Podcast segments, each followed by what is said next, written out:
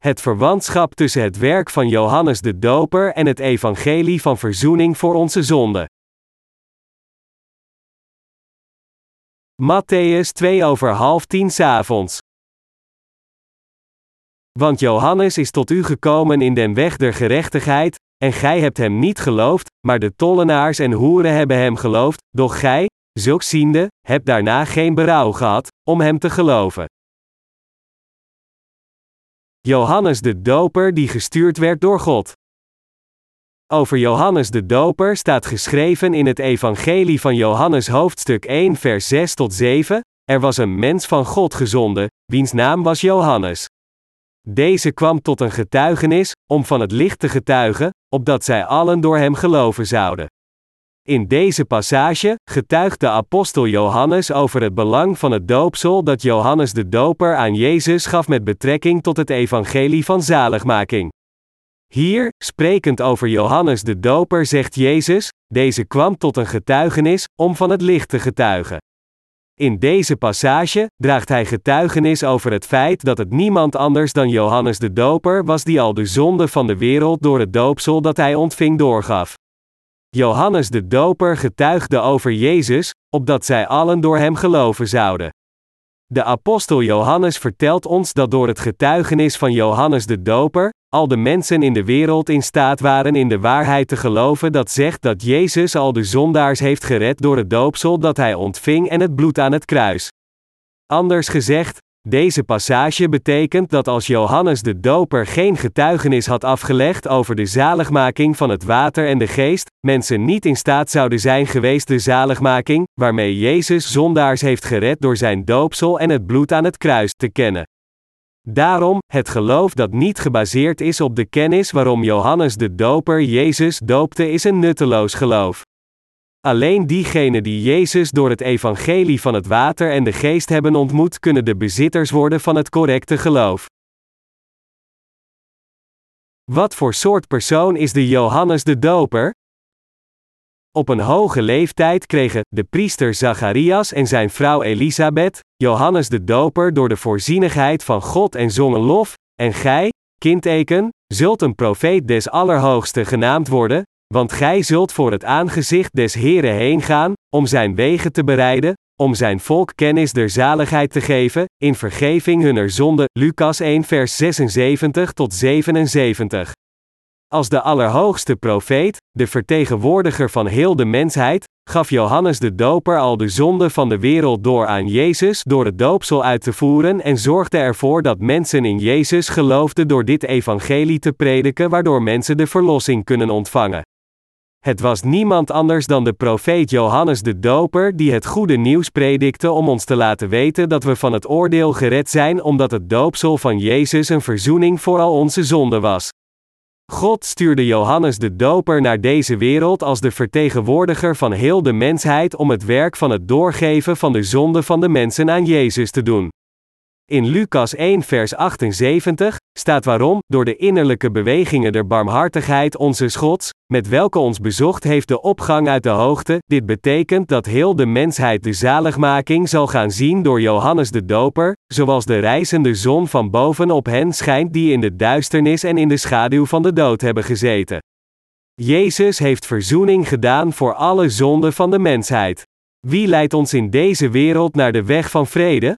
Het is Jezus. Sinds Johannes de Doper al onze zonden aan Jezus doorgaf door het doopsel, heeft Johannes de Doper ons geleid naar het evangelie waarin de Heer al onze zonden heeft verzoend. Laten we specifiek eens kijken in de geschriften wie Johannes de Doper is. Dit zijn de woorden uit Lucas 1 vers 1 tot 14 na de maal velen ter hand genomen hebben, om in orde te stellen een verhaal van de dingen, die onder ons volkomen zekerheid hebben, gelijk ons overgeleverd hebben, die van den beginnen zelfen aanschouwers en dienaars des woords geweest zijn, zo heeft het ook mij goed gedacht, hebbende alles van voren aan naars tegelijk onderzocht, vervolgens aan u te schrijven, voortreffelijke Theophilus. Opdat gij moogt kennen de zekerheid der dingen, waarvan gij onderwezen zijt. In de dagen van Herod, den koning van Judea, was een zeker priester, met name Zacharias, van de dagorde van Abia, en zijn vrouw was uit de dochteren van Aaron, en haar naam Elisabeth. En zij waren beide rechtvaardig voor God, wandelende in al de geboden en rechten des Heren, onberispelijk. En zij hadden geen kind, omdat Elisabeth onvruchtbaar was, en zij beide verre op hun dagen gekomen waren. En het geschiedde, dat, als hij het priesterambt bediende voor God, in de beurt zijner dagorde. Naar de gewoonte der priesterlijke bediening, hem te lood was gevallen, dat hij zoude ingaan in den tempel des Heren om te reukofferen. En al de menigte des volks was buiten, biddende, ten ure des reukoffers. En van hem werd gezien een engel des Heren, staande ter rechterzijde van het altaar des reukoffers. En Zacharias, hem ziende, werd ontroerd, en vrezen is op hem gevallen. Maar de engel zeide tot hem: Vrees niet, Zacharias. Want uw gebed is verhoord, en uw vrouw Elisabeth zal u een zoon baren, en gij zult zijn naam heten Johannes. En u zal blijdschap en verheuging zijn, en velen zullen zich over zijn geboorte verblijden. Lucas, een medewerker van de apostel Paulus, gaf het evangelie aan een ongelovige genaamd Theophilus, een man van hoge positie. Echter, door zijn gebrek aan kennis over de geschriften, moest Lucas hem elk detail van de Bijbel uitleggen, en daarom begon Lucas het evangelie vanaf het moment dat Johannes de Doper verscheen op te schrijven. Om het evangelie fundamenteel te verklaren, was het nodig dat Lucas de genealogie van Johannes de Doper en de bijzonderheden van zijn geboorte toelichtte. Door deze woorden zullen we proberen naar de geboorte van Johannes de Doper en zijn ambt in detail te kijken. Als we kijken naar de bovenstaande passages, dan is er een passage dat zegt: In de dagen van Herods, den koning van Judea, was een zeker priester, met name Zacharias, van de dagorde van Abia, en zijn vrouw was uit de dochteren van Aaron, en haar naam Elisabeth, Lucas 1 vers 5. Hier staat duidelijk dat de moeder van Johannes de Doper een afstammelinge van Aaron was, maar wat zijn vader Zacharias betreft, moeten we precies uitzoeken in welke lijn onder de stammen van Israël hij geboren werd. De vader van Johannes de Doper was Zacharias. En Lucas schreef dat hij een priester was van de divisie van Abia. Wie is deze Abia de voorvader van de priester Zacharias? Als we kijken naar het eerste boek van Kronieken hoofdstuk 24 vers 10, staat er, het zevende voor Hakkos, het achtste voor Abia. God leidde het volk van Israël door Mozes als zijn bemiddelaar aan te wijzen, en Aaron, de oudere broer van Mozes, als de hoge priester aan te stellen. God liet de afstammelingen van Aaron al de offers uitvoeren in de tabernakel. Maar, Nadab en Abihu, de twee zonen van Aaron waren gestorven door vreemd vuur tijdens het offeren voor God te brengen, Numeri 26 vers 61. Na de dood van deze twee zonen, namen de andere twee zonen van Aaron, Eleazar en Itamar, de plichten van het priesterschap over. Maar, de afstammelingen van deze twee zonen floreerden, dus in de tijd van David, was het noodzakelijk om het priesterschap institutioneel te reorganiseren om de tabernakel binnen te gaan en God te dienen. En dus, met de hoofden van het huis onder de afstammelingen van Eleazar en Itamar als basis, verdeelden zij de priesters in 24 groepen. Toen, zoals er staat geschreven, David nu verdeelde hen, en Zadok uit de kinderen van Eleazar, en Abimelech uit de kinderen van Itamar, naar hun ambt in hun dienst. En van de kinderen van Eleazar werden meer gevonden tot hoofden der mannen, dan van de kinderen van Itamar, als zij hun afdelingen elden, van de kinderen van Eleazar waren zestien hoofden der vaderlijke huizen, maar van de kinderen van Itamar, naar hun vaderlijke huizen, acht.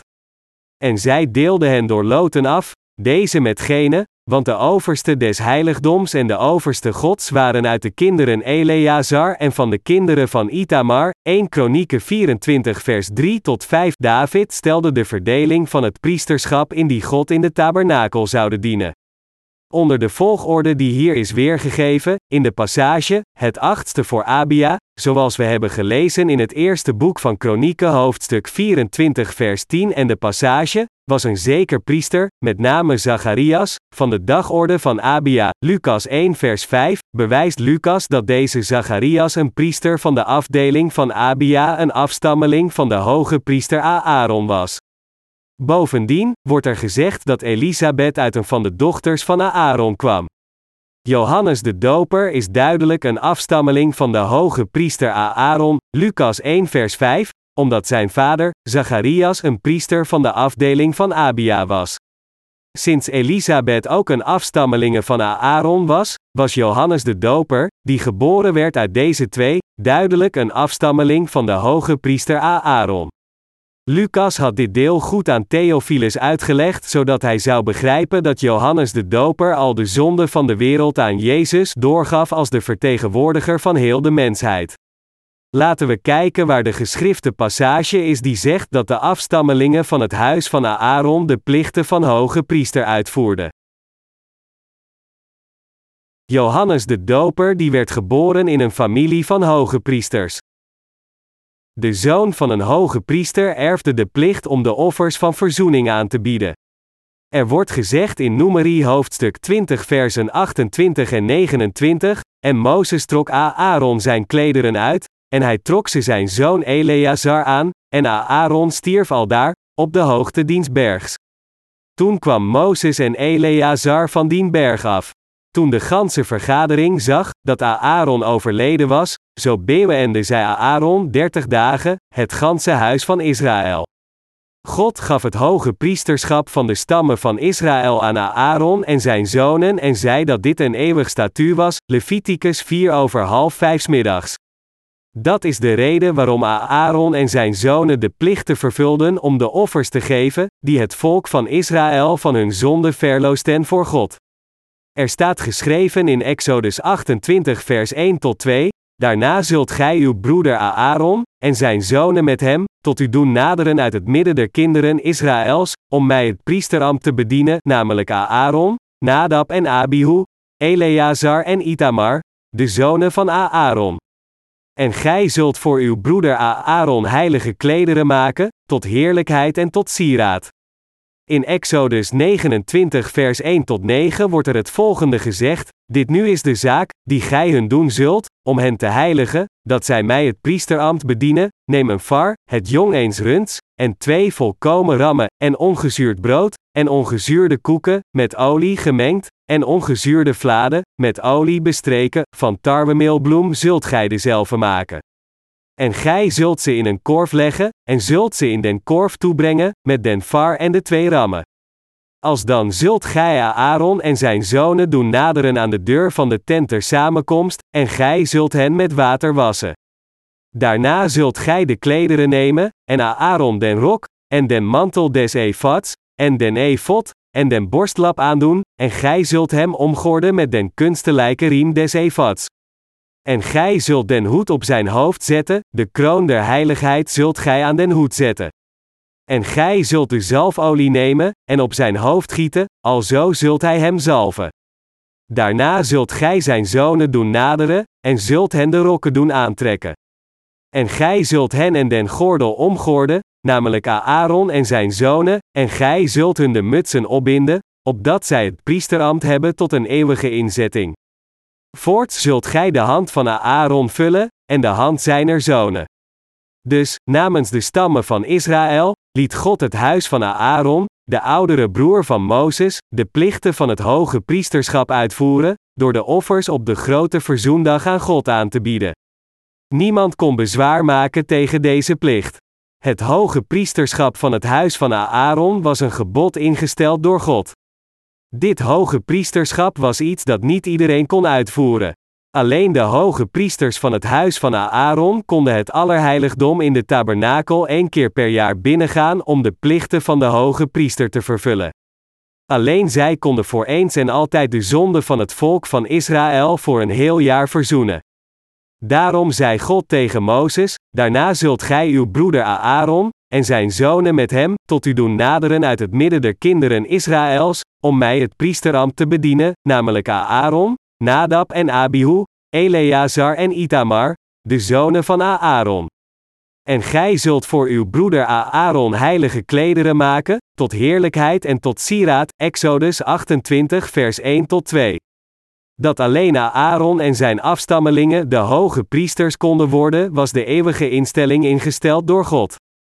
God had Aaron en zijn afstammelingen bevolen om de plichten van het hoge priesterschap voor eeuwig uit te voeren, van de dagen van het Oude Testament tot de komst van Jezus in het Nieuwe Testament. De afstammelingen van Aaron hadden de plichten van het hoge priesterschap uitgevoerd dat een eeuwig statuut van zaligmaking was voor de verzoening van zonden ingesteld door God. Dat is waarom Lucas Johannes de Doper beschreef als de laatste hoge priester uit het Oude Testament door het feit te noemen dat Zacharias een man van het huis van Aaron de hoge priester was.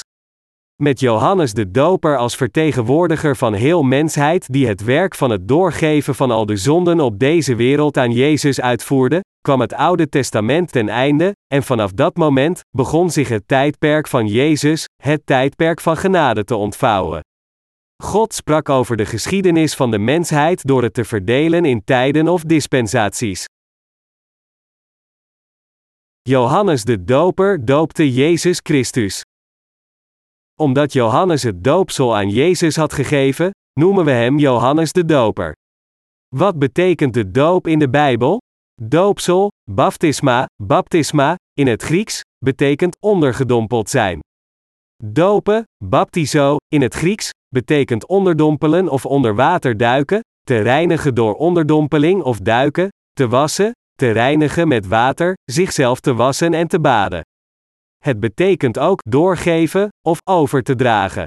Door het doopsel van Johannes de Doper te ontvangen, werden al de zonden aan Jezus doorgegeven, en Jezus werd de verlosser voor de gelovigen door de zonde van de hele wereld op zich te nemen, namens ons te sterven voor het loon van de zonde, en weer van de dood te verrijzen. De Heer ontving het doopsel waarmee Hij onze zonde namens ons overnam en aan het kruis stierf. Dit was omdat het loon van de zonde de dood is. Omdat het ritueel van de doop plaatsvindt in de vorm van onderdompeling en het opleggen van handen, wordt het ook het ritueel van onderdompeling genoemd. Beide hebben dezelfde betekenis. Het woord doop betekent ook reiniging. Het doopsel dat Jezus van Johannes de Doper ontving in de rivier de Jordaan was het doopsel van de vergeving van zonde waarmee hij ons gereinigd heeft van de zonde van de wereld door hen op zijn eigen lichaam te nemen. Omdat al de zonden van de mensheid aan Jezus werden doorgegeven door het doopsel van Johannes de Doper te ontvangen, waren wij in staat de zaligmaking te ontvangen door hierin te geloven. Als we uitgebreid kijken naar de betekenis van het doopsel dat Jezus ontving, dan zijn er vier betekenissen: reiniging, overgaan, overbrengen en begraven worden. De mensen uit het Oude Testament brachten smetteloze offerdieren zoals geiten, schapen en runderen om de vergeving van hun zonde te ontvangen, ze legden hun handen op het hoofd van de dieren om hun zonde door te geven. Dit is precies hetzelfde als het doopsel, baptisma in het Grieks, dat Jezus ontvangen had. In het Oude Testament legden de mensen hun handen op het hoofd van de geit om de zonde van het volk door te geven aan die geit, het moest de zonde van de mensen verzoenen door te sterven. In het Oude Testament vertegenwoordigde de hoge priester Aaron het hele volk van Israël. De hoge priester, die het volk van Israël vertegenwoordigde, verplaatste de zonde door zijn handen op het hoofd van een geit te leggen, en door het bloed van het dier af te tappen en dit op de hoorns van het brandofferaltaar te smeren. Hij offerde het zondeoffer op de grote verzoendag aan God namens het volk. In het Nieuwe Testament was het Johannes de Doper die de vertegenwoordiger van heel de mensheid was. Dus nam Jezus de zonde van de wereld over door het doopsel van Johannes de Doper te ontvangen, en om voor de zonde van de mensheid te verzoenen, vergoot hij zijn bloed en stierf aan het kruis. Door weer van de dood te verrijzen, redde hij diegenen die in hem geloven. De grootste ooit geboren uit een vrouw. Als we kijken naar Matthäus 11 over 11 ochtends, dan draagt Jezus getuigenis over Johannes de Doper door te zeggen: Voorwaar zeg ik u, onder degenen die van vrouwen geboren zijn, is niemand opgestaan meerder dan Johannes de Doper. Johannes de Doper gaf de zonde van de wereld voor eens en altijd door aan Jezus door hem te dopen in overeenstemming met het eeuwige statuut ingesteld door God als de hoge priester van heel de mensheid zoals Aaron de hoge priester, Matthäus kwart over drie. Johannes de Doper had de kwalificaties om de hoge priester van heel de mensheid te zijn. Daarom was het voor Johannes de Doper mogelijk, als de laatste hoge priester van het Oude Testament, om al de zonde van heel de mensheid aan Jezus door te geven door hem te dopen. In het Nieuwe Testament was de priester Zacharias een afstammeling van het huis van Aaron, en de oorsprong van de hoge priester was als volgt. In het eerste boek van Kronieken hoofdstuk 24 vers 10 staat. De volgorde van de hoge priesters die de afstammelingen zijn van Aaron die het offerritueel uitvoerden wordt getoond in het Oude Testament, en de volgorde van de priester Abia komt op als de achtste divisie. Maar, in het Nieuwe Testament, werd de priester gekozen naar de gewoonte der priesterlijke bediening, zoals we kunnen zien in het Evangelie van Lucas hoofdstuk 1 vers 9. Net zoals in het Oude Testament, werd de gekozen persoon de hoge priester, die het hoge priesterschap van het Oude Testament aannam en de plichten vervulde. Deze traditie werd van generatie op generatie doorgegeven, beginnend vanaf de dagen van het Oude Testament tot de tijd van Zacharias, de vader van Johannes de Doper. Zacharia was een hoge priester geboren in de divisie van Abia, een afstammeling van Aaron. Net zoals een leeuw alleen een welp kan baren, had God het zo gemaakt dat een hoge priester alleen kon komen uit het huis van Aaron, de hoge priester. En dus nam Johannes de Doper, van het huis van een hoge priester, de rol van tussenpersoon aan, de priester die de voorspelling over de zaligmaking van God zou vervullen, zoals beloofd in het Oude Testament, en hij die de zonde van de wereld aan Jezus doorgaf was de grootste ooit geboren uit een vrouw. De passages in Matthäus 11 over 11 ochtends min 13 getuigen hierover. Dat is waarom Jezus, wijzend naar Johannes de Doper, ook getuigde dat hij de Elia was die komen zou zoals voorspeld in het Oude Testament, Maleachi 4 vers 5. Getuigenissen van de apostelen over de doop van Jezus die de zonde van de mensheid had overgenomen. Het doopsel dat Jezus ontving was de verzoening van zonde, de zonde van de wereld, die hij had overgenomen. Het bewijs van het doopsel dat Jezus ontving wordt talloze keren getoond in de brieven van Paulus en Petrus en ook in de brieven van Johannes. Laten we eerst de Bijbelpassages over de doop van Jezus in de brieven van Paulus bekijken. We zullen als eerste kijken naar de passages uit Romeinen 6 vers 2 tot 7. Dat zij verre. Wij, die der zonde gestorven zijn, hoe zullen wij nog in dezelfde leven? Of weet gij niet, dat zoveel als wij in Christus Jezus gedoopt zijn, wij in zijn dood gedoopt zijn? Wij zijn dan met hem begraven, door den doop en den dood, opdat, gelijkerwijs Christus uit de doden opgewekt is tot de heerlijkheid des Vaders, alzo ook wij in nieuwigheid des levens wandelen zouden. Want indien wij met hem één plant geworden zijn in de gelijkmaking zijns doods, zo zullen wij het ook zijn in de gelijkmaking zijner opstanding, dit wetende, dat onze oude mens met hem gekruisigd is, opdat het lichaam der zonde te niet gedaan worden, opdat wij niet meer de zonde dienen. Het geloof van de apostel Paulus dat wij het doopsel hebben ontvangen, en samen verenigd met Jezus zijn, is het geloof dat gelooft dat Jezus, doopsel, de zonde van de wereld overnam en die zonde had verzoend. Het evangelie van de verzoening voor zonde genoemd in de Bijbel is het evangelie van het water en de geest waarin Jezus het doopsel ontvangt en gekruisigd wordt. In de Bijbel vertelt het evangelie van de verzoening van zonde, waar de apostelen over getuigden, ons dat Jezus alle wereldse zonde had weggenomen. Hoe gelooft en verklaart de apostel Petrus het doopsel van Jezus? In 1 Petrus 3 vers 21 zegt hij, waarvan het tegenbeeld, de doop, ons nu ook behoudt, niet die een aflegging is der vuiligheid des lichaams, maar die een vraag is van een goed geweten tot God, door de opstanding van Jezus Christus. De apostel Petrus zegt dat het doopsel dat Jezus van Johannes de Doper ontving een tegenbeeld is van de redding van Hem die onze zonde heeft verzoend.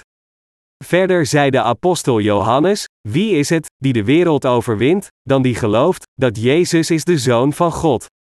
Deze is het, die gekomen is door water en bloed, namelijk Jezus, de Christus, niet door het water alleen, maar door het water en het bloed. En de Geest is het, die getuigt, dat de Geest de waarheid is. Want drie zijn er, die getuigen in den hemel, de Vader, het Woord en de Heilige Geest, en deze drie zijn één. En drie zijn er die getuigen op de aarde, de geest, en het water, en het bloed, en die drie zijn tot één, 1 Johannes 5 vers 5 tot 8. De apostel Johannes zegt dat wij de zaligmaking van God ontvangen die voor al onze zonden verzoend heeft door te geloven in de Verlosser die gekomen is door het water en het bloed. Wat is het correcte geloof dat gelooft in Jezus Christus? De apostelen zeiden dat het doopsel, het water, dat Jezus ontving een tegenbeeld van de zaligmaking is dat de zondaars redt, en dat de wedergeborenen de wereld kunnen overwinnen door in het evangelie van de verzoening van zonde te geloven dat geperfectioneerd werd door het doopsel en het bloed van Jezus. We kunnen zien dat er een enorm verschil zit tussen het geloof dat de apostelen hadden en het geloof dat de hedendaagse theologen hebben die alleen in het bloed van het kruis geloven. De theologen van vandaag geloven alleen in het bloed van Jezus, maar de Bijbel getuigt dat zondaars alleen de zaligmaking ontvangen als zij in beide het doopsel van Jezus en het bloed aan het kruis samen geloven. Daarom moeten we goed weten en geloven in het evangelie waarin Jezus verzoening heeft gedaan voor al onze zonden met zijn doopsel en bloed. Beide, het doopsel dat Jezus ontving en het bloed van het kruis zijn essentiële onderdelen voor de volbrenging van het perfecte evangelie. Het is het evangelie dat al de zonde van de wereld heeft verzoend. In het Oude Testament en het Nieuwe Testament staat geschreven dat het evangelie van de verzoening van de zonde, het evangelie van het doopsel en het bloed is, en dit wist al de zonde van de wereld uit. Matthäus, een leerling van Jezus, schrijft in Matthäus kwart over 3 min 16, maar Jezus, antwoordende, zeide tot hem, laat nu af, want al dus betaamt ons alle gerechtigheid te vervullen. Toen liet hij van hem af. En Jezus, gedoopt zijnde, is terstond opgeklommen uit het water, en ziet, de hemelen werden hem geopend, en hij zag den geest Gods nederdalen, gelijk een duiven, en op hem komen. Hier vertelt God ons dat al de zonden van de wereld aan Jezus werden doorgegeven door zijn doopsel van Johannes de Doper te ontvangen. Het draagt getuigenis over de rechtvaardigheid van zaligmaking dat God geperfectioneerd heeft door het evangelie waarin onze zonden worden verzoend. Door het doopsel te ontvangen, nam Jezus al de zonde van al de mensen in de wereld over, en droeg voor drie jaar getuigenis over zijn zaligmaking. Na deze drie jaren stierf hij aan het kruis door zijn bloed te vergieten en verrees hij weer op de derde dag.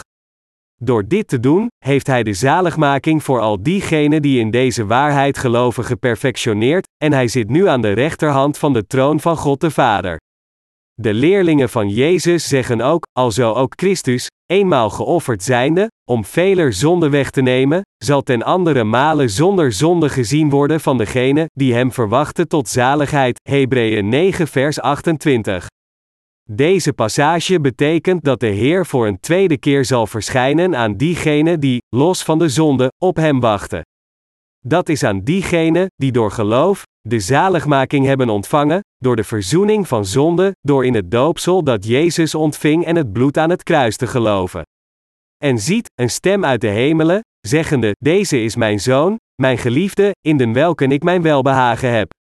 Matthäus 17 over 3. Deze passage verwijst naar het feit dat degene naar wie al de zonden van de wereld werden doorgegeven door het doopsel, en voor deze zonde verzoende, niemand anders is dan Jezus Christus. Sommige theologen weten niets over de waarheid waarmee Jezus de zonde van de mensheid heeft verzoend door zijn doopsel en bloed. Ze zijn geestelijk blind, ze zijn niet in staat de wateren boven het firmament op te nemen, dat wil zeggen het pure woord. Hierdoor geloven mensen vaag dat Jezus op de een of andere manier de zonde van de wereld heeft overgenomen, maar deze denkwijze komt door de onwetendheid over het doopsel van Jezus dat het evangelie van de verzoening van zonden inhoudt.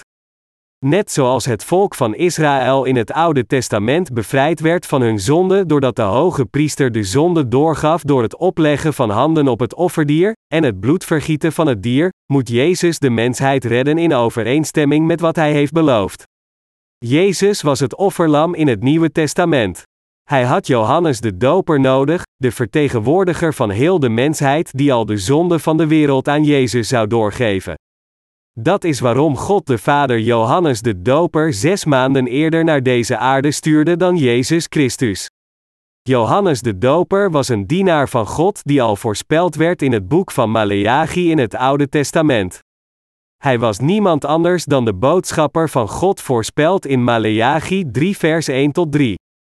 Als we kijken naar Matthäus 10 over 11 ochtends min 11 in het Nieuwe Testament, moest de Heer de doop ontvangen waardoor hij al de zonde van de mensheid zou aannemen als de redder, en dat zou voor hun zonde verzoening doen. Dus Jezus had een dienaar van God nodig die hem het doopsel zou geven. Dat is waarom Johannes de Doper de zonde van de wereld aan Jezus doorgaf met het doopsel, gehoorzaam aan het bevel van Jezus, laat nu af, want al dus betaamt ons alle gerechtigheid te vervullen, Matthäus kwart over drie. Het offerlam, in de dagen van het Oude Testament, stierf omdat het gemaakt was om de zonde van een enkel persoon of van het volk op zich te nemen. Maar Jezus Christus, de Zoon van God, kwam naar deze aarde en opende het tijdperk van het Nieuwe Testament. Hij nam de zonde van de wereld over zonder een spoor achter te laten, om voor alle zonden van de hele mensheid te verzoenen. Vervolgens moest hij sterven door middel van kruisiging als de prijs van verzoening voor die zonde. Om ervoor te zorgen dat Jezus de mensheid voor eeuwig van de zonde van de wereld zou verlossen, moest hij al de zonde van de wereld verzoenen door het doopsel van Johannes de Doper te ontvangen en om drie dagen later te verrijzen nadat hij gestorven was aan het kruis. God heeft diegenen gered die geloven in het evangelie van Jezus, doopsel en bloed, van alle zonden. Johannes de Doper was een boodschapper van God. Matthäus 11 over 11 ochtends min 14 getuigt over Johannes de Doper.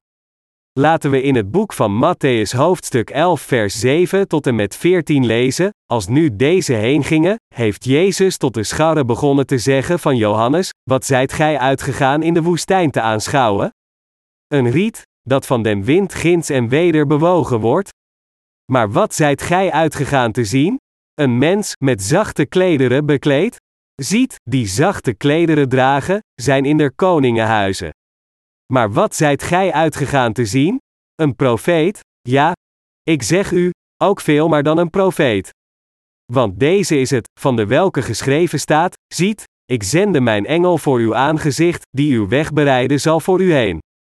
Voorwaar zeg ik u, onder degenen die van vrouwen geboren zijn, is niemand opgestaan meerder dan Johannes de Doper, doch die de minste is in het koninkrijk der hemelen, is meerder dan hij. En van de dagen van Johannes den Doper tot nu toe, wordt het koninkrijk der hemelen geweld aangedaan, en de geweldigers nemen hetzelfde met geweld. Want al de profeten en de wet hebben tot Johannes toegeprofeteerd. En zo gij het wilt aannemen, hij is Elias, die komen zou. Mensen trokken de woestijn in om Johannes de Doper te zien. Johannes de Doper riep de mensen op om berouw te hebben. Jezus zag hoe de mensen naar Johannes de Doper gingen, en zei: Waarom ging u de woestijn in? Om een man te zien in mooie kleren? Diegenen die mooie kleren dragen zitten in koningshuizen. Maar de profeet Johannes de Doper was in de woestijn. Deze woorden van Jezus spreken over de waarheid dat God Johannes de Doper hier had neergezet als de vertegenwoordiger van heel de mensheid, en hij liet hem ook Jezus het doopsel geven. Jezus droeg persoonlijk getuigenis over Johannes de Doper. Hij zei: Waarom ging u de woestijn in? Waarom ging u naar een man gekleed in een kleed van kamelenhaar, een man als een wilde man? Wat dacht u daar te zien? Dacht u een man gekleed in mooie kleren te zien? Een dergelijke man zit in koningshuizen. Maar hij is groter dan koningen. Hij droeg getuigenis dat Johannes de Doper de grootste was ooit geboren uit een vrouw, door te zeggen: Waarom ging u naar de woestijn? Wilde u een profeet zien? Ja, hij is meer dan een profeet. In de oud-testamentische dagen werden profeten groter dan koningen beschouwd. Wie was de grootste onder al de profeten in het Oude Testament? Het was niemand anders dan Johannes de Doper. Jezus droeg persoonlijk getuigenis dat Johannes de Doper de vertegenwoordiger van de mensheid is, en Jezus zei dat het Johannes de Doper is die de grootste is onder al de mensen. Johannes de Doper was een dienaar van God, gezonden zes maanden voorafgaand aan de geboorte van Jezus. Hij werd ook gestuurd om de zonde van de wereld door te geven door Jezus te dopen. De Heer zei: Ja, ik zeg u, ook veel meer dan een profeet. Want deze is het, van de welke geschreven staat: Ziet, ik zende mijn engel voor uw aangezicht, die uw weg bereiden zal voor u heen. De Bijbel schrijft duidelijk en getuigt hier over Johannes de Doper. Johannes de Doper, waar Jezus over getuigd had, draagt nu getuigenis over Jezus, zie het Lam Gods, dat de zonde der wereld wegneemt. Johannes 1 vers 29. Het was Johannes de Doper, die getuigde over Jezus door te zeggen, Jezus heeft al de zonde van de wereld weggenomen, en hij is de Zoon van God, en was oprecht de grootste onder al de mensen en onder al de profeten. We kunnen zeggen dat Johannes de Doper een hoge priester was omdat zijn ouders allebei afstammelingen waren van Aaron. We weten dat in het Oude Testament God gekozen had dat Aaron de hoge priester zou zijn voor 40 jaar. Hij had voor eeuwig het hoge priesterschap toevertrouwd aan zijn afstammelingen, en er bestaat geen twijfel dat Johannes de Doper de vertegenwoordiger van heel de mensheid is, en als priester al de zonde van de wereld aan Jezus doorgaf. De Heer Jezus zei verder, en van de dagen van Johannes den Doper tot nu toe, wordt het koninkrijk der hemelen geweld aangedaan, en de geweldigers nemen hetzelfde met geweld. Matthäus 12 over 11 ochtends. Deze passage toont dat Jezus de verlosser van heel de mensheid is geworden door de zonde van de wereld door Johannes de Doper te ontvangen. Jezus heeft persoonlijk getuigd over het feit dat Johannes de Doper al de zonde van de wereld aan hem heeft doorgegeven. De woorden in Matthäus 12 over 11 ochtends getuigen dat de zonde van de wereld, al de zonde van heel de mensheid, aan Jezus werden doorgegeven door Jezus het doopsel te geven. Gelovigen in het evangelie van de hemel, dat wil zeggen het evangelie van het doopsel dat Jezus ontving en zijn bloed, geloven dat Jezus ging en stierf aan het kruis, al hun zonde volledig op zich genomen door zijn ontvangst van het doopsel. De getuigenis van Zacharias. Nadat hij de boodschap van de engel had gehoord dat God hem een zoon zou schenken, kon Zacharias het aanvankelijk niet geloven. Dus als straf werd hij stom. Later, na het zien dat het woord van God gerealiseerd werd, noemde hij de baby, Johannes, zoals de engel hem had opgedragen. Toen werd zijn tong losgemaakt en was hij in staat om te praten. Toen, vervuld met de Heilige Geest, begon Zacharias God op de volgende manier te eren. En Zacharias, zijn vader, werd vervuld met den Heilige Geest, en profeteerde, zeggende: Geloofd zij de Heere, de God Israëls, want hij heeft bezocht en verlossing teweeggebracht zijn volken, en heeft een hoorn der zaligheid ons opgericht, in het huis van David, zijn knecht, gelijk hij gesproken heeft door de mond zijner heilige profeten, die van het begin der wereld geweest zijn, namelijk een verlossing van onze vijanden, en van de hand al Durk ene, die ons haten, opdat hij barmhartigheid deed aan onze vaderen, en gedachtig waren aan zijn heilig verbond, en aan den eed, dien hij Abraham, onze vader, gezworen heeft, om ons te geven. Dat wij, verlost zijnde uit de hand onze vijanden, hem dienen zouden zonder vrezen. In heiligheid en gerechtigheid voor hem, al de dagen onzes levens. En gij, kindeken, zult een profeet des Allerhoogste genaamd worden, want gij zult voor het aangezicht des Heren heen gaan, om zijn wegen te bereiden, om zijn volk kennis der zaligheid te geven, in vergeving hunner zonde, door de innerlijke bewegingen der barmhartigheid onze Gods, met welke ons bezocht heeft de opgang uit de hoogte, om te verschijnen dengenen, die gezeten zijn in duisternis en schaduw des doods, om onze voeten te richten op den weg des vredes. En het kind eken wies op, en werd gestrekt in den geest, en was in de woestijnen, tot den dag zijner vertoning aan Israëls, Lucas 1 vers 67 tot 80. In deze passage maakte de vader voorspellingen over wat voor een soort van profeet Johannes de Doper in de toekomst zou worden, en hoe hij het priesterschap zou uitvoeren. Hij voorspelde ook dat Johannes de Doper een dienaar van God zou zijn. In het bijzonder voorspelde hij, en gij, kindeken, zult een profeet des Allerhoogste genaamd worden, want gij zult voor het aangezicht des Heren heen gaan, om zijn wegen te bereiden, om zijn volk kennis der zaligheid te geven, in vergeving hunner zonde. Lucas 1 vers 67 tot 77. Deze voorspelling gaat over het evangelie. Door het evangelie van het water en de geest, werd Johannes de Doper een getuige over de waarheid voor diegenen die in Jezus geloven. Johannes de Doper vertelde ons dat wij de vergeving van zonde hebben ontvangen door in het doopsel en bloed van Jezus te geloven dat er verzoening voor onze zonden is. Om onze zonden te verzoenen, nam Jezus al onze zonden over door het doopsel dat hij ontving van Johannes de Doper. Johannes droeg getuigenis over het feit dat hij al de zonde van de wereld aan Jezus had doorgegeven door hem te dopen. Anders gezegd, door zijn getuigenis, liet Johannes de Doper ons alles weten over de zaligmaking door de verzoening van zonde. Iedereen kan de zaligmaking van zonden ontvangen door in het doopsel en bloed van Jezus te geloven. Door het getuigenis van Johannes de Doper ontdekte iedereen dat Jezus de Verlosser was die al zijn of haar zonde heeft verzoend. Als mensen het evangelie van de verzoening van zonden niet zou kennen dat Johannes de Doper Jezus had gegeven, hoe konden mensen dan 100% zeker zijn dat Jezus hun verlosser was? Als een persoon niets weet over de evangelische waarheid van de vergeving van zonde, dan is er geen zaligmaking of het eeuwige leven voor die persoon. Als u in Jezus gelooft zonder het ambt van Johannes de Doper te kennen, dan is uw geloof een onvolmaakt geloof en leidt u een onvolmaakt christelijk leven. U zou op dingen vertrouwen zoals de doctrines die in de theologie worden genoemd. Echter, als u weet wie Johannes de Doper is en de waarheid over wat voor een soort van doopsel hij aan Jezus heeft gegeven voor de zaligmaking dat voor de zonde van de mensheid heeft verzoend, zult u gered worden van al uw zonden door geloof te hebben in de waarheid. In het boek van Genesis staan verhalen over de dagen van geen zonde, van Adam en Eva, de eerste mens, over de dagen van Abraham die afstammeling was van Seth en Sem nadat Adam en Eva zondigden, tot de dagen van de afstammelingen van Jacob, geschreven. In het boek van Exodus staat het begin van de dagen van de wet geschreven. Na het oversteken van de Rode Zee, ontvingen de Israëlieten de geboden in de woestijn van zonde door Mozes, en leefden volgens deze wetten. En tijdens deze dagen van de wet, gaf God het volk van Israël het offersysteem van de tabernakel. God liet hen offers offeren, waarin de hoge priester de zonde van het volk doorgaf aan een zondebok door de handen op het hoofd te leggen, en dan door de dood van het offerdier namens het volk, voor de zonde verzoende.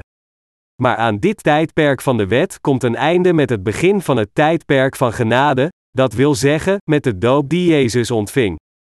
Heel de zaligmaking beloofd door de vergeving van zonde tijdens het oud-testamentische tijdperk kwam tot een einde met het doopsel dat door Johannes de Doper aan Jezus werd gegeven.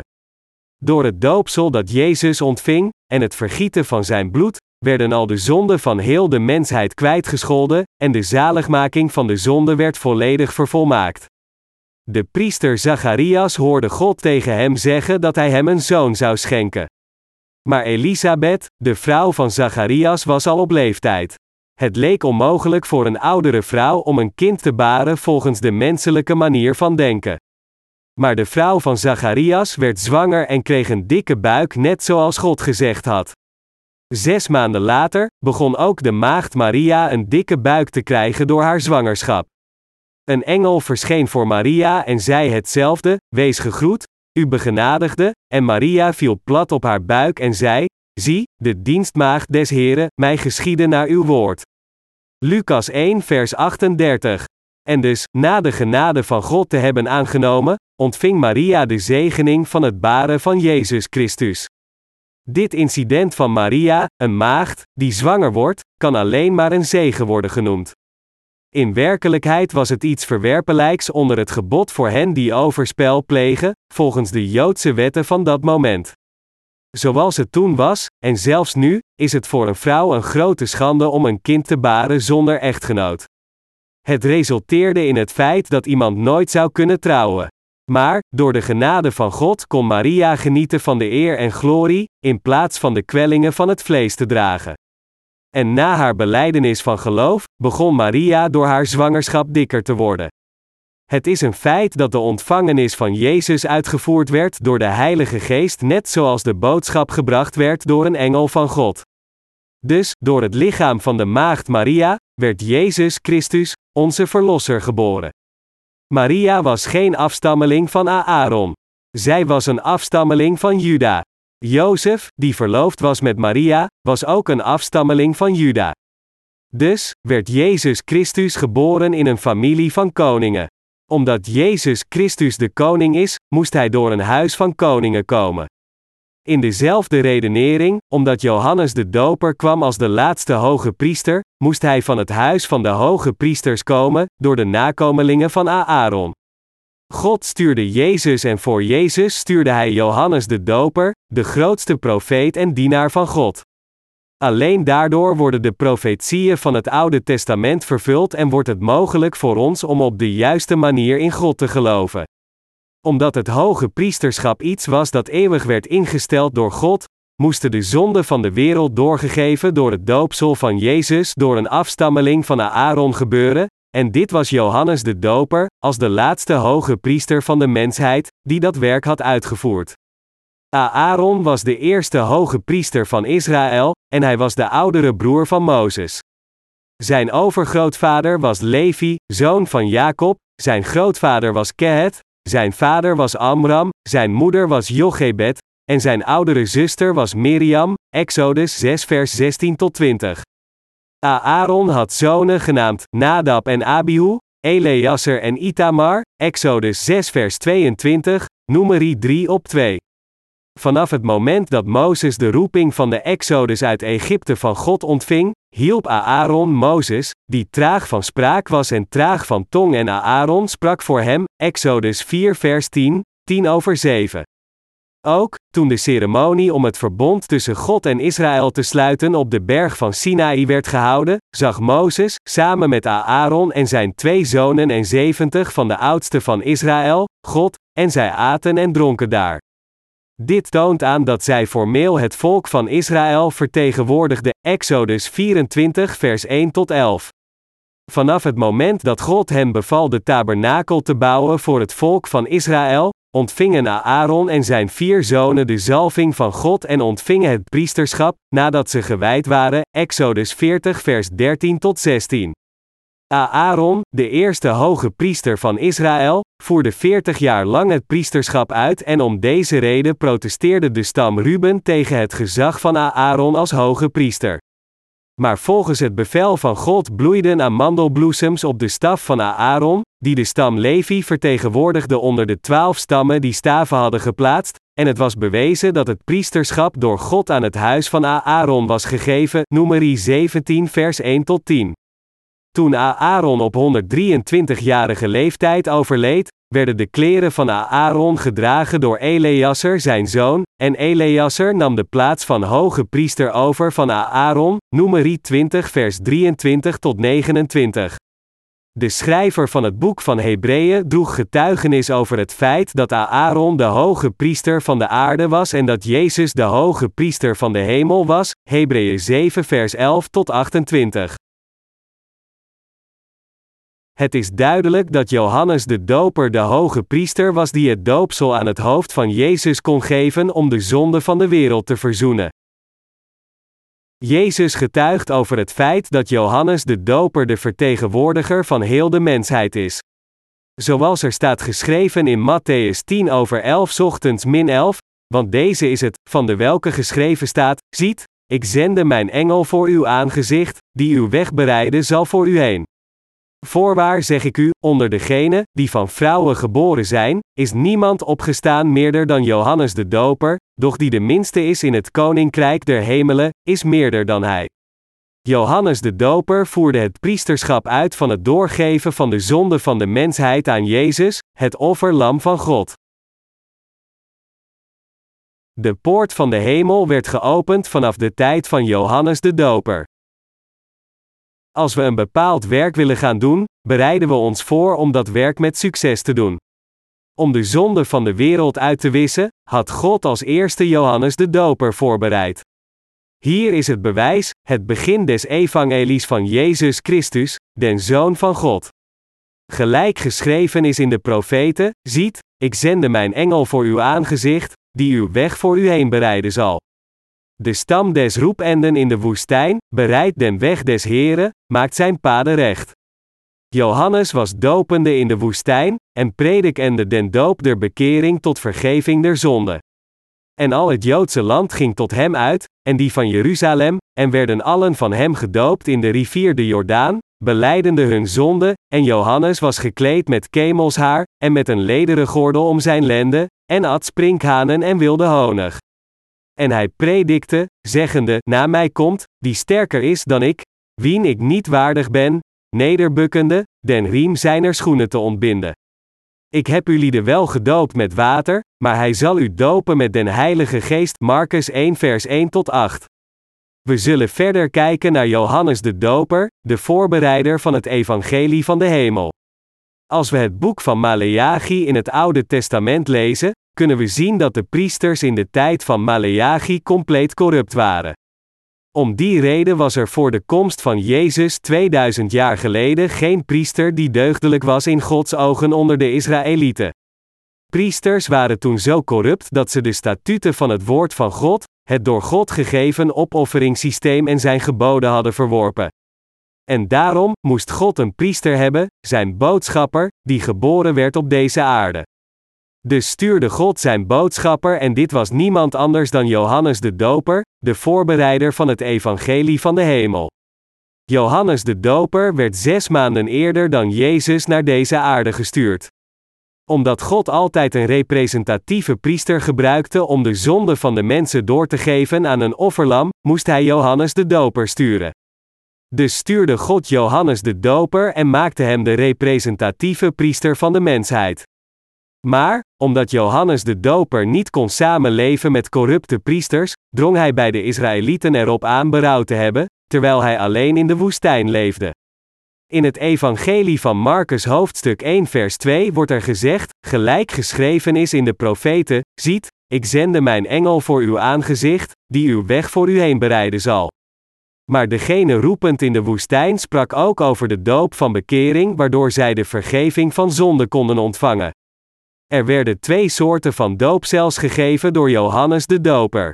Het eerste was het doopsel van berouw dat hij aan het volk van Israël gaf, en dit was een doopsel dat de mensen, die God hadden verlaten, weer terug liet keren naar Christus, die het eeuwige verzoenoffer voor hun zonde was. Als een profeet, door mensen te laten beseffen dat zij zondaars zijn die op weg zijn naar de hel voor God, gaf Johannes de Doper deze doop van bekering aan degenen die hun zondig bestaan erkenden en beleden. En dus kwamen de mensen naar Johannes de Doper en ontvingen het waterdoopsel als symbool om het feit te verifiëren dat zij zondaars zijn voor God.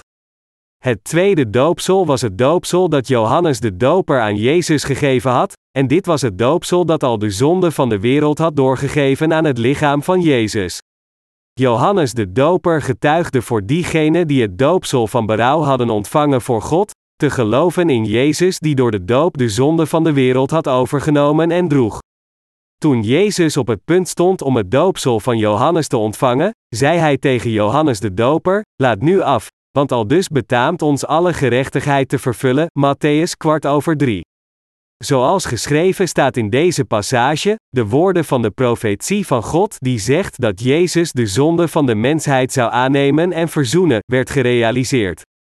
Alle mensen die in Jezus geloven moeten in beide geloven het doopsel en het bloed van Jezus, en in het evangelie van de verzoening van zonde. Omdat Johannes de Doper, de voorbereider van het evangelie van de hemel, al de zonde van de wereld voor alle eeuwigheid aan Jezus had doorgegeven door Jezus te dopen als een verzoening gepast voor de zonde van de wereld, heeft Johannes de Doper het voor ons mogelijk gemaakt naar de hemel te gaan door in Jezus te geloven. Jezus is de weg naar de hemel geworden. Gelooft u dit? In het Evangelie van Marcus hoofdstuk 1 verse 14-15 wordt er gezegd, en nadat Johannes overgeleverd was, kwam Jezus in Galilea, predikende het evangelie van het koninkrijk Gods, en zeggende: De tijd is vervuld, en het koninkrijk Gods nabijgekomen, bekeert u, en gelooft het evangelie. Evangelie betekent het goede nieuws, en het is euangelion in het Grieks. Het nieuws dat Jezus al de zonde van de wereld wegnam door hen op zijn eigen lichaam te nemen toen hij het doopsel van Johannes de Doper voor de verzoening van zonden ontving, is het evangelie van de hemel. Al de zonden van de wereld werden aan Jezus doorgegeven door Johannes de Doper toen Jezus het doopsel ontving. Het evangelie dat verzoende voor de zonde van de mensheid was het evangelie van het doopsel dat Jezus ontving en zijn bloed aan het kruis. De zonden van de wereld verwijzen naar de zonde van al de mensen gepleegd in deze wereld. Al de mensen inclusief u en uw kleinkinderen die in de toekomst geboren zullen worden. Uw zonden verwijzen naar al uw zonden uit uw verleden, heden en toekomst, ze omvatten niet alleen de zonden die in het verleden zijn gepleegd, maar ook de zonden die u in de toekomst zult plegen, en zij zijn de zonden van de wereld. Bovendien verwijst de wereld niet alleen naar de aarde, maar naar het begin en het eind van het hele universum. Johannes de Doper kwam om de waarheid over de verzoening van zonde te prediken. Johannes de Doper kwam met de waarheid der gerechtigheid, of de waarheid van zaligmaking, waarmee God al de zonde van de mensheid heeft verzoend, zoals er staat geschreven, want Johannes is tot u gekomen in den weg der gerechtigheid, en gij hebt hem niet geloofd, maar de tollenaars en hoeren hebben hem geloofd, doch gij, zulks ziende, hebt daarna geen berouw gehad, om hem te geloven. Matthäus 2 over half tien avonds. Johannes de Doper kwam om de waarheid van gerechtigheid te prediken. Johannes de Doper was een profeet die door God naar deze wereld werd gestuurd zodat hij al de mensen naar de gerechtigheid kon leiden. Door de zonde van al de mensen in de wereld aan Jezus door te geven, ontvingen al de mensen de vergeving van zonde door in deze waarheid te geloven. Door hem getuigenis te laten dragen over het evangelie van de verzoening van zonde, waarin hij zelf al de zonde van de wereld aan de Heer doorgaf, hebben ontelbare mensen de zaligmaking van zonden ontvangen door te geloven en geloof te hebben in de waarheid van zaligmaking omdat Johannes hierover getuigde. In Matthäus 2 over half tien avonds wordt er gezegd, want Johannes is tot u gekomen in den weg der gerechtigheid, en gij hebt hem niet geloofd, maar de tollenaars en hoeren hebben hem geloofd, doch gij, zulks ziende, hebt daarna geen berouw gehad, om hem te geloven. De zin, want Johannes is tot u gekomen in den weg der gerechtigheid, spreekt hier over het werk van Johannes de Doper, als de laatste hoge priester van het Oude Testament, Matthäus 13 over 11 ochtends, door al de zonden van de mensheid aan Jezus door te geven door de doop. Maar waarom denkt u dat de tollenaars en de hoeren geloofden in het doopsel van Jezus waarmee Johannes de Doper al de zonden van de wereld aan Jezus doorgaf? We moeten opnieuw nadenken over waarom de hoeren en de tollenaars de zaligmaking van al hun zonden ontvingen door te geloven in het rechtvaardige werk uitgevoerd door Jezus Christus en Johannes de Doper. En waarom leden zoveel mensen de vernietiging door geen vertrouwen te hebben in dit rechtvaardige ambt? De hoeren en tollenaars waren typische mensen die vele zonden hadden gepleegd. Als het zo was geweest dat Johannes de Doper niet het werk van het doorgeven van de zonde van de wereld aan Jezus voor eens en altijd had gedaan, dan hadden de hoeren en tollenaars niet de zaligmaking van hun zonden ontvangen die dikker waren dan de donkerste wolken of mist. De tollenaars en de hoeren geloofden in hun harten dat het doopsel dat Jezus van Johannes de Doper ontving het doopsel was dat voor al hun zonden verzoende, en dus ontvingen zij de zaligmaking. Zij geloofden ook dat Jezus de Zoon van God was, en dat zij de eeuwige zaligmaking ontvingen door te geloven dat Jezus het offerlam was dat God gestuurd had om hen van al hun zonden te redden.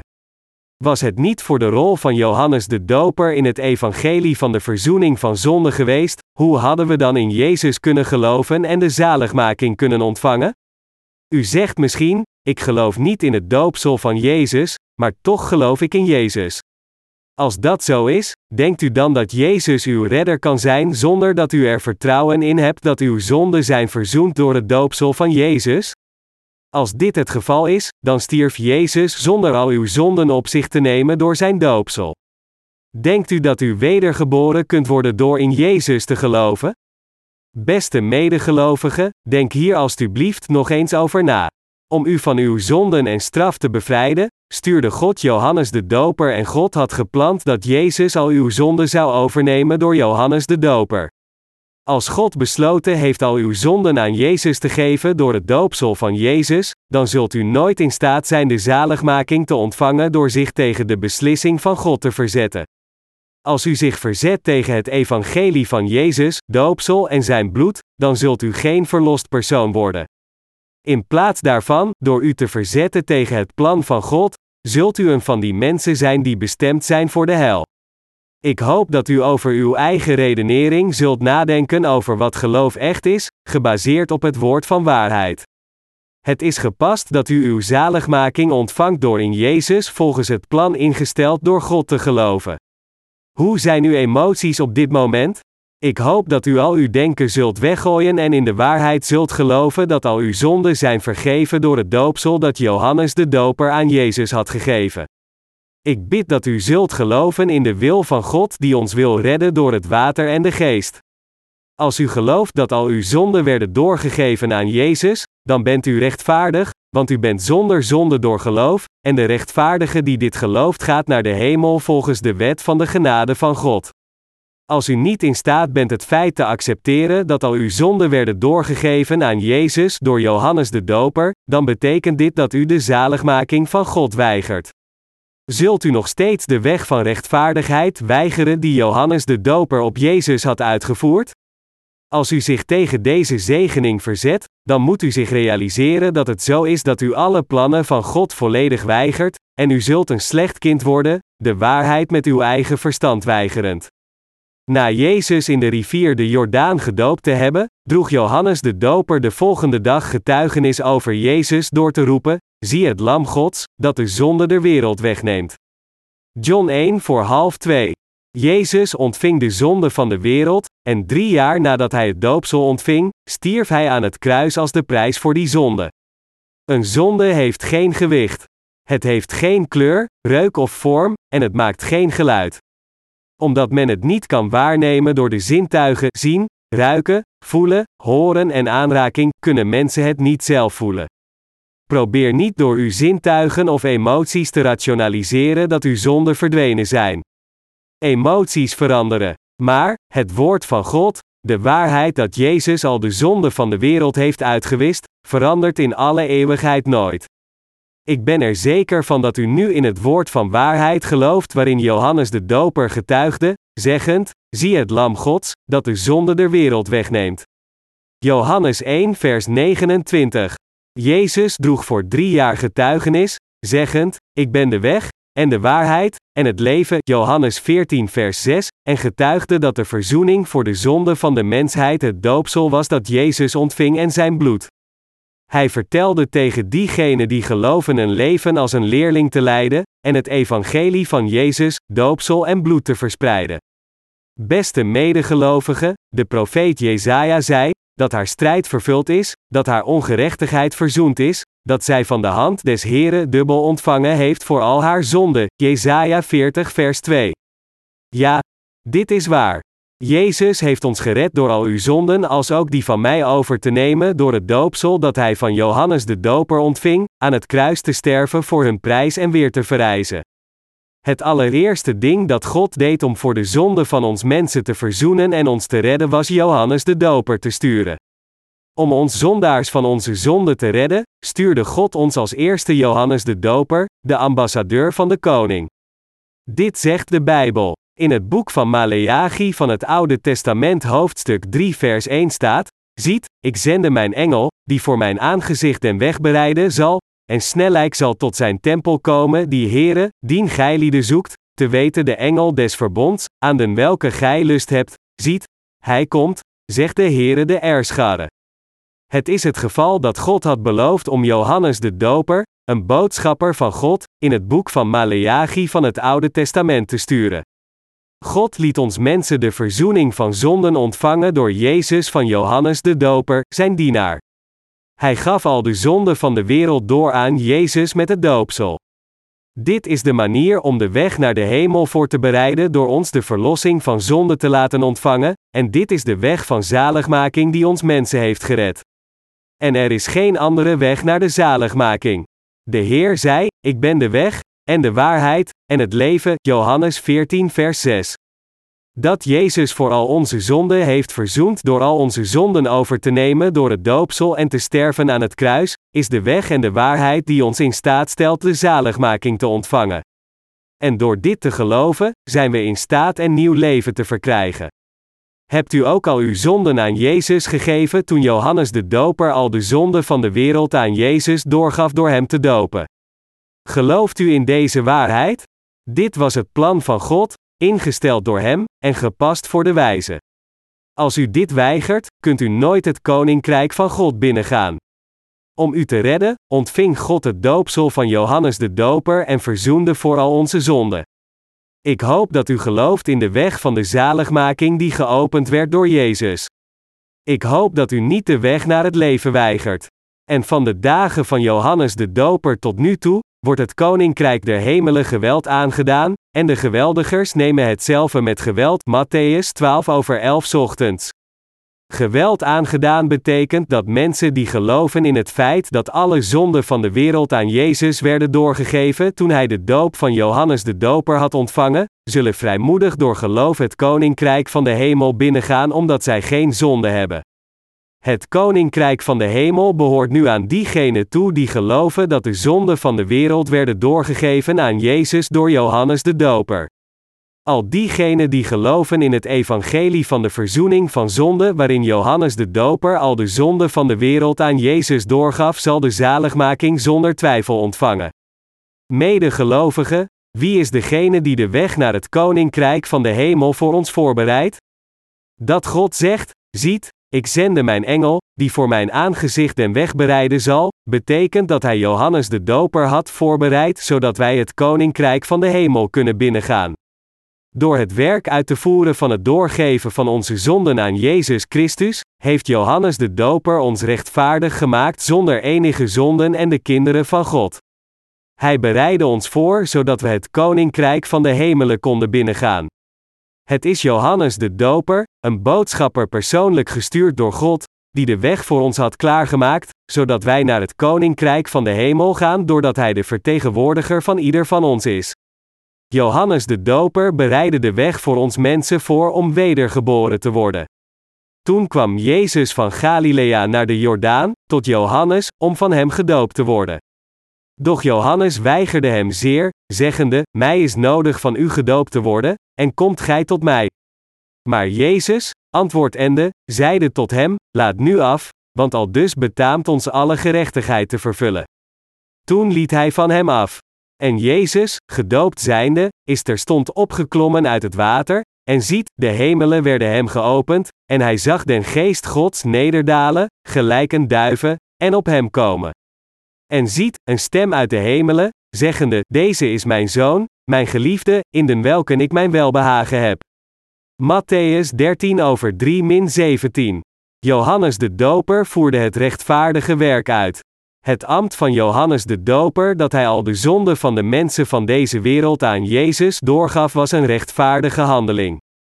Dit is het evangelie van de verzoening van zonde, en de rechtvaardigheid van God als ook de weg naar de zaligmaking waar Johannes over had getuigd. Om de zaligmaking te ontvangen, moeten we ons realiseren en in onze harten geloven in het doopsel van Jezus, zijn bloedvergieten en zijn verrijzenis, die het evangelie van de verzoening vormen. Jezus perfectioneerde de rechtvaardigheid van God met zijn doopsel. Jezus volbracht de zaligmaking van de mensheid door de zonde van de hele wereld op zich te nemen door het doopsel van Johannes de Doper, te sterven aan het kruis na de verzoening voor Adi zonde. Als we kijken naar het boek van Hebreeën, wordt er gezegd dat Jezus de hoge priester van de hemel is, naar de ordening van Melchizedek. Hij is zonder genealogie, en hij is niet is een afstammeling van Aaron. Jezus Christus is geen afstammeling van Adam, meer liever, hij is de Zoon van God. En omdat Hij onze Schepper is en degene die zichzelf, ik zal zijn, die ik zijn zal, noemt, bezit Hij geen genealogie. Maar Hij gooide de glorie van de hemel weg en kwam naar deze aarde om Zijn mensen te redden. Toen de mensen die hij geschapen had om te zegeningen naar adem lagen te snakken nadat zij aan de zonde waren vervallen door de verleidingen van de duivel, kwam hij naar deze aarde in het vlees van de mens en ontving het doopsel in de rivier de Jordaan om de mensheid te redden door voor al hun zonden te verzoenen. Laat ons samen Matthäus kwart over drie lezen. Maar Jezus, antwoordende, zeide tot hem: Laat nu af, want al dus betaamt ons alle gerechtigheid te vervullen. Toen liet hij van hem af. Jezus beval Johannes de Doper, de vertegenwoordiger van de aarde, laat nu af. Johannes de Doper gehoorzaamde, zeggend: Ja, ik laat nu af. Dus boog Jezus zijn hoofd naar Johannes en werd gedoopt. Net zoals de hoge priester het opleggen van handen op het hoofd van de zondebok had uitgevoerd om al de jaarlijkse zonden van de Israëlieten door te geven, zoals we kunnen zien in het Oude Testament, op dezelfde manier gaf Johannes de Doper de zonde van deze wereld aan Jezus door hem te dopen. De redding van zonde volbracht door het principe van vertegenwoordiging.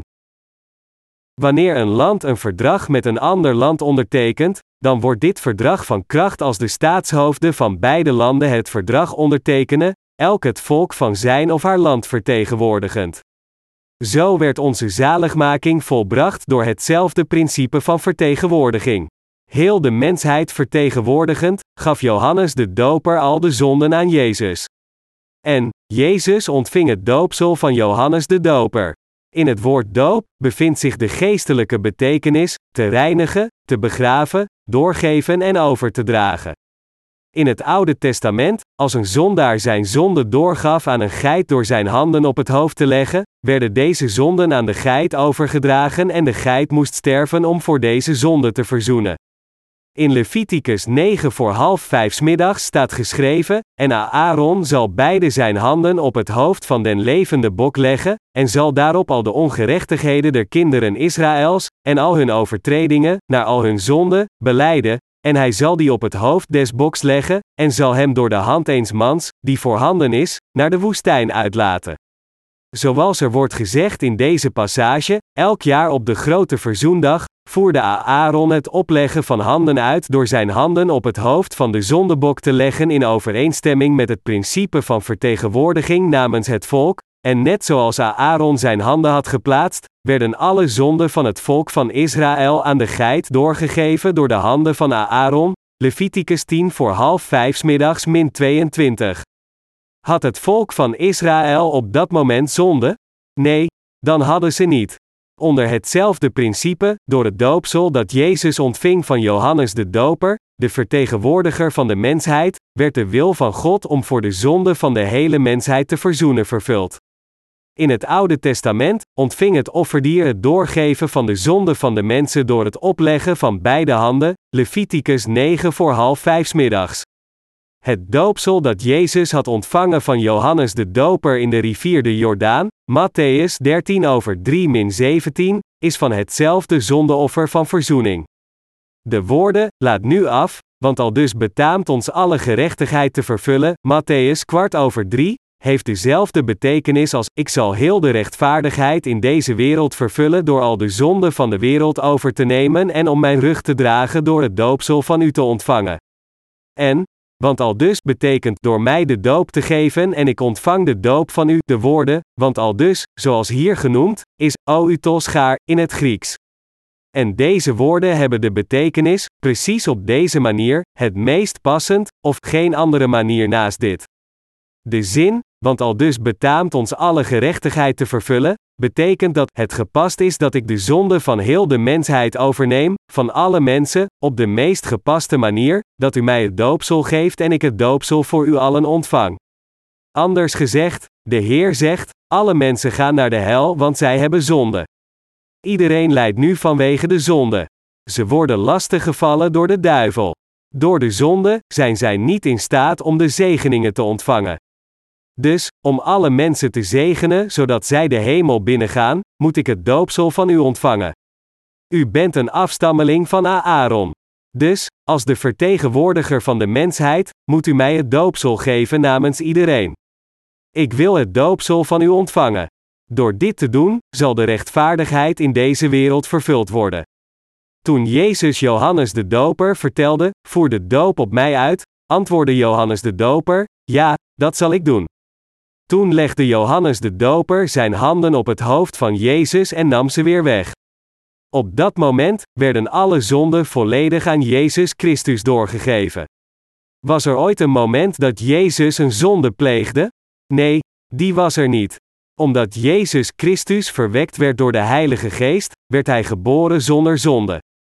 De Heer heeft geen enkele zonde gepleegd terwijl hij in deze wereld was. Wij mensen worden geboren met zonde, maar Jezus werd zonder zonde geboren. Terwijl hij op deze aarde leefde, heeft Jezus nooit een zonde gepleegd of een fout gemaakt. Maar, Waarom denkt u dat Jezus moest sterven door aan het kruis genageld te worden? In het publieke ambt van Jezus Christus was het eerste werk dat door hem werd uitgevoerd het overnemen van al onze zonden door het doopsel in de rivier de Jordaan te ontvangen. Door de laatste hoge priester genaamd Johannes de Doper, de vertegenwoordiger van de mensheid, nam Jezus al de zonde van de mensen over. Daarom ontving hij het oordeel en stierf aan het kruis. Dit is wat Jezus Christus, terwijl hij drie jaar rondliep, bedoelde toen hij bij het zien van een overspelige vrouw, zei: Zelfs ik veroordeel u niet. Zelfs ik kan geen oordeel over u uitspreken. Ik moet het oordeel ontvangen. Ik moet in uw plaats aan het kruis sterven. In de tuin van Getsemane zond erde Jezus zich af en bad, niet zoals ik wil, maar zoals u wilt. In het begin bad hij ernstig: Vader, als het uw wil is, laat deze drinkbeker aan mij voorbij gaan. Maar even later gehoorzaamde hij gewillig het plan van zaligmaking van de Vader. Hoewel Jezus het wilde vermijden als het mogelijk was, in de wil van de Vader, gaf hij het op door te zeggen: Niet zoals ik het wil, maar zoals u wilt, en bereidde duidelijk zijn hart voor. Hij wist dat het de wil van de Vader was dat hij moest sterven. Vanaf toen werd hij naar het hof van Pilatus gebracht, werd hij gemarteld, geslagen door zwepen gemaakt voor misdadigers op straffen van de dood, en zijn hele lichaam was verscheurd en zelfs voordat hij aan het kruis werd opgehangen, was hij bijna half dood. Op de vraag van Pilatus: Bent u Christus? Bent u de Verlosser, de Zoon van God? antwoordde Jezus: Ik ben degene over wie u spreekt. Het is zoals u zegt. Toen Pilatus zei: Als u de juiste woorden zegt, kan ik u vrijlaten.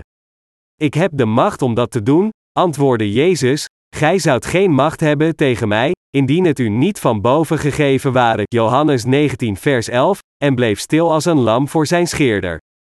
Waarom denkt u dat Jezus dit deed?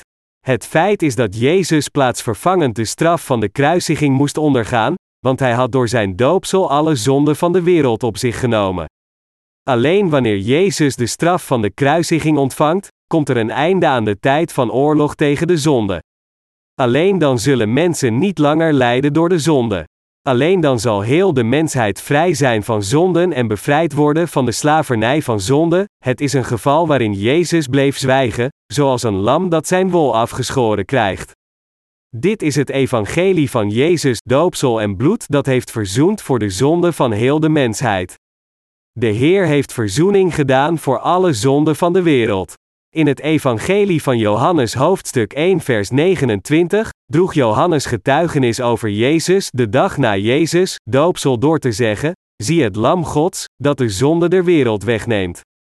Johannes de Doper gaf Jezus duidelijk het doopsel dat verzoende voor de zonde van de mensheid. Toen Jezus naar Johannes de Doper kwam de dag nadat Jezus gedoopt was, droeg Johannes de Doper getuigenis door tegen de mensen te zeggen: Kijk alstublieft naar hem. Hij is het lam Gods dat de zonde van de wereld wegneemt. U mensen, kijk naar hem. Hij is het lam Gods dat de zonde van de wereld wegneemt. Omdat hij al de zonde van de mensheid aan Jezus had doorgegeven door het doopsel, was hij in staat persoonlijk getuigenis te dragen over het feit dat Jezus de Verlosser was. Zie het lam Gods, dat de zonde der wereld wegneemt. Johannes 1 vers 29. Jezus was het lam van God die de zonde van de wereld wegnam. De Zoon van God kwam naar deze aarde en nam de zonde van de wereld weg. In Johannes 1 vers 35 tot 36 droeg Johannes de Doper opnieuw getuigenis, des andere daags wederom stond Johannes en twee uit zijn discipelen. En ziende op Jezus, daar wandelende, zeide hij: Ziet, het Lam Gods. Het lam dat hier wordt genoemd is een uitdrukking over Jezus, die als het lam, plaatsvervangend, het zondeoffer voor heel de mensheid werd, net zoals de zondebok uit het Oude Testament plaatsvervangend voor het volk stierf. Namens u en mij kwam de Zoon van God, onze Schepper, naar deze aarde en wiste al u en mijn zonden uit door zijn doopsel en bloedvergieten. Om alle zonden aan te nemen en te verzoenen de erfzonde, persoonlijke zonde, alle zonden van overtredingen, en welke goddeloze zonde dan ook die ieder mens begaat vanaf het begin van de schepping tot het einde van deze aarde, ontving Jezus het doopsel van Johannes en vergoot zijn bloed aan het kruis. Jezus heeft ongeveer 2000 jaar geleden al de zonde van de wereld uitgewist. We gebruiken momenteel de kalender die gebaseerd is op de geboorte van Jezus Christus, die de meester van de geschiedenis is. Zoals u weet, verwijzen we naar de data voor Christus als voor Christus, en de data na zijn geboorte als na Christus. Anno Domini betekent in het jaar des Heren. Omdat in AD 30 Jezus de zonde van de wereld volledig overnam door het doopsel van Johannes de Doper te ontvangen, wees Johannes de Doper de volgende dag naar Jezus en zei: Zie het Lam Gods, dat de zonde der wereld wegneemt. Johannes 1, vers 29. En opnieuw getuigde Johannes de Doper de dag daarna over Jezus door te zeggen: Ziet, het Lam Gods. Johannes 1, vers 36.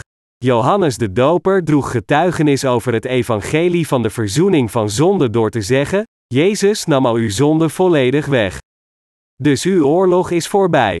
U bent zonder zonde. Ongeacht welke zonden u ook gepleegd hebt, de Zoon van God nam al die zonde weg. Beste medegelovigen, God verzoende voor al onze zonden door het doopsel van Jezus. Nadat hij al de zonden aan Jezus had gegeven, droeg Johannes de Doper getuigenis door te zeggen: Zie het Lam Gods, dat de zonde der wereld wegneemt. Johannes 1, vers 29. Johannes de Doper droeg getuigenis over deze waarheid zodat iedereen in Jezus zou geloven. Er staat geschreven: Deze kwam tot een getuigenis, om van het licht te getuigen, opdat zij allen door hem geloven zouden. Johannes 1, vers 7. Dit is het woord dat verschijnt in het Evangelie van Johannes. Was het niet door het getuigenis van Johannes de Doper, hoe hadden de mensen dan geweten of Jezus wel of niet de zonde van de wereld had weggenomen? Hoewel de Bijbel zegt dat Jezus voor al onze zonden stierf, is het Johannes de Doper die getuigde, na de zonde van de wereld door zijn doopsel aangenomen te hebben, heeft Jezus ze persoonlijk naar het kruis meegenomen. Johannes de Doper was de brug die het Oude Testament met het Nieuwe Testament verbindt. Hij was de dienaar van God die ervoor zorgde dat alle woorden uit het Oude Testament gerealiseerd werden in Jezus. Door hierin te geloven, bid ik dat u uw eeuwige zaligmaking ontvangt. Door het getuigenis van Johannes de Doper en door diegenen die momenteel trouw zijn, werd het voor heel de mensheid mogelijk om te geloven dat het doopsel van Jezus het doopsel was dat de zonde van heel de mensheid overnam, en dien ten gevolge moest Jezus zijn kostbare bloed aan het kruis vergieten. Ik geef mijn dankbaarheid aan God die toestond dat al onze zonden verzoend werden door Johannes de Doper en Jezus naar ons te sturen.